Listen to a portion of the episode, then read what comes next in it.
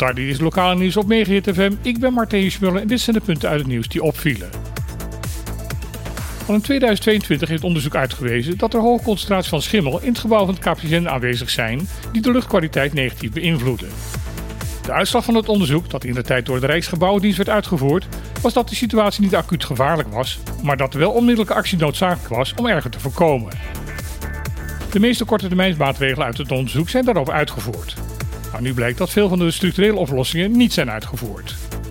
Dit zou komen omdat het moeilijk is om de noodzakelijke materialen daarvoor naar het eiland te krijgen. In mei dit jaar kon de arbeidsinspectie wederom een controle uitvoeren, omdat bij deze dienst opnieuw klachten waren binnengekomen over de luchtkwaliteit in het gebouw. Na aanleiding van het onderzoek kwam de inspectie afgelopen vrijdag met een waarschuwingsbrief en het advies om een aantal kantoren voorlopig niet meer te gebruiken. Dit was voor het personeel van KPC een aanleiding te besluiten om niet meer in het gebouw te willen werken. Na intensief overleg gisteren tussen werkgever KPCN en de vakbonden is er besloten dat personeel wel weer aan het werk gaat. Maar dat niemand gedwongen mag worden in het gebouw te moeten werken. De Rijksgebouwendienst heeft toegezegd dat er zeer regelmatig metingen zullen gaan verricht worden en dat de uitslagen daarvan gedeeld worden. Ook heeft de dienst beloofd nu de problemen zo snel mogelijk op te lossen. Ooit werd Bonaire het schoonste eiland van de Antillen genoemd, maar die tijd is helaas al lang voorbij. Tegenwoordig is het eiland meer één grote vuilnisbelt, waar tussendoor nog een aantal mensen wonen. Over het hele eiland via grote hoeveelheden zwerfvuil en plekken waar illegaal vuilnis en bouwafval is gestort. Het zijn niet alleen de bewoners van Bonaire die daarover klagen, steeds vaker maken ook bezoekers van het eiland daar opmerkingen over. Daarom hebben vuilverwerker Celibon, het OLB en de stichting Bonaire Limpi y Bonita de handen in elkaar geslagen voor één grote gezamenlijke schoonmaakactie. Deze zou ervoor moeten gaan zorgen dat de schoonheid van de natuur weer de overhand gaat krijgen.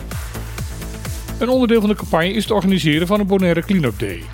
Verder zal Lentville de officiële vuilstort voor enkele weken gratis toegankelijk gaan worden. Daarnaast zal Celibon wijk voor wijk een grote schoonmaakactie gaan organiseren. Celibon heeft ook toegezegd particuliere schoonmaakinitiatieven actiever te gaan ondersteunen. Daarom vraagt het bedrijf iedereen die een dergelijke actie wil gaan uitvoeren dit te melden bij Celibon, zodat ze daar ook een bijdrage aan kan leveren. Deze organisatie TUI zegt elektriciteit serieus te nemen. Daarom heeft de organisatie besloten om op de ABC-eilanden 55 laadpalen voor elektrische auto's te gaan plaatsen. Afgelopen week is daarvoor de eerste geplaatst bij het hoofdkantoor van TUI op Curaçao. Handig omdat de organisatie ook net een eigen EV heeft aangeschaft, die dus gelijk voor de eigen voordeur kan worden opgeladen. Het is de bedoeling dat er 30 palen geplaatst gaan worden op Curaçao, 15 op Aruba en 10 op Bonaire. Waar de palen op ons eiland geplaatst gaan worden is nog niet geheel duidelijk. Er wordt gezegd dat men daarover nog druk in overleg is met OLB. TUI ziet de laadpalen het liefst verschijnen op bekende toeristische trekpleisters zoals Rincon, Sorbonne, Thousand Steps en natuurlijk het resort aan de westkust waar ook de winkel van TUI gevestigd is. Na de Nederlandse Belastingdienst met de toeslagenaffaire blijkt ook de studiefinancieringsorganisatie DUO gebruik te maken van software om fraude op te sporen die etnisch profileert. Studenten die door de software schuldig worden bevonden aan studiefinancieringsfraude blijken opvallend vaak een migratieachtergrond te hebben. Dit is al een tijdje bekend en minister Dijkgraaf heeft al eerder opdracht gegeven om dit fraudesysteem stop te zetten. In haar reactie heeft de directie van Duur altijd volgehouden nooit enig bericht te hebben gekregen dat hun antifraudesoftware bepaalde bevolkingsgroepen zou achterstellen. Dit blijkt niet waar te zijn.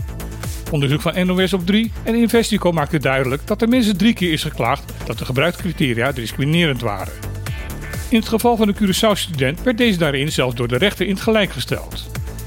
Minister Dijkgraaf heeft gezegd dat verder onderzoek moet duidelijk maken wat hier is misgegaan en wat er moet gebeuren om dit op te lossen. Dit was weer de lokale nieuws op Megahit FM. Ik wens iedereen een dag toe zonder enige vorm van discriminatie. Dan heel graag weer. Tot morgen.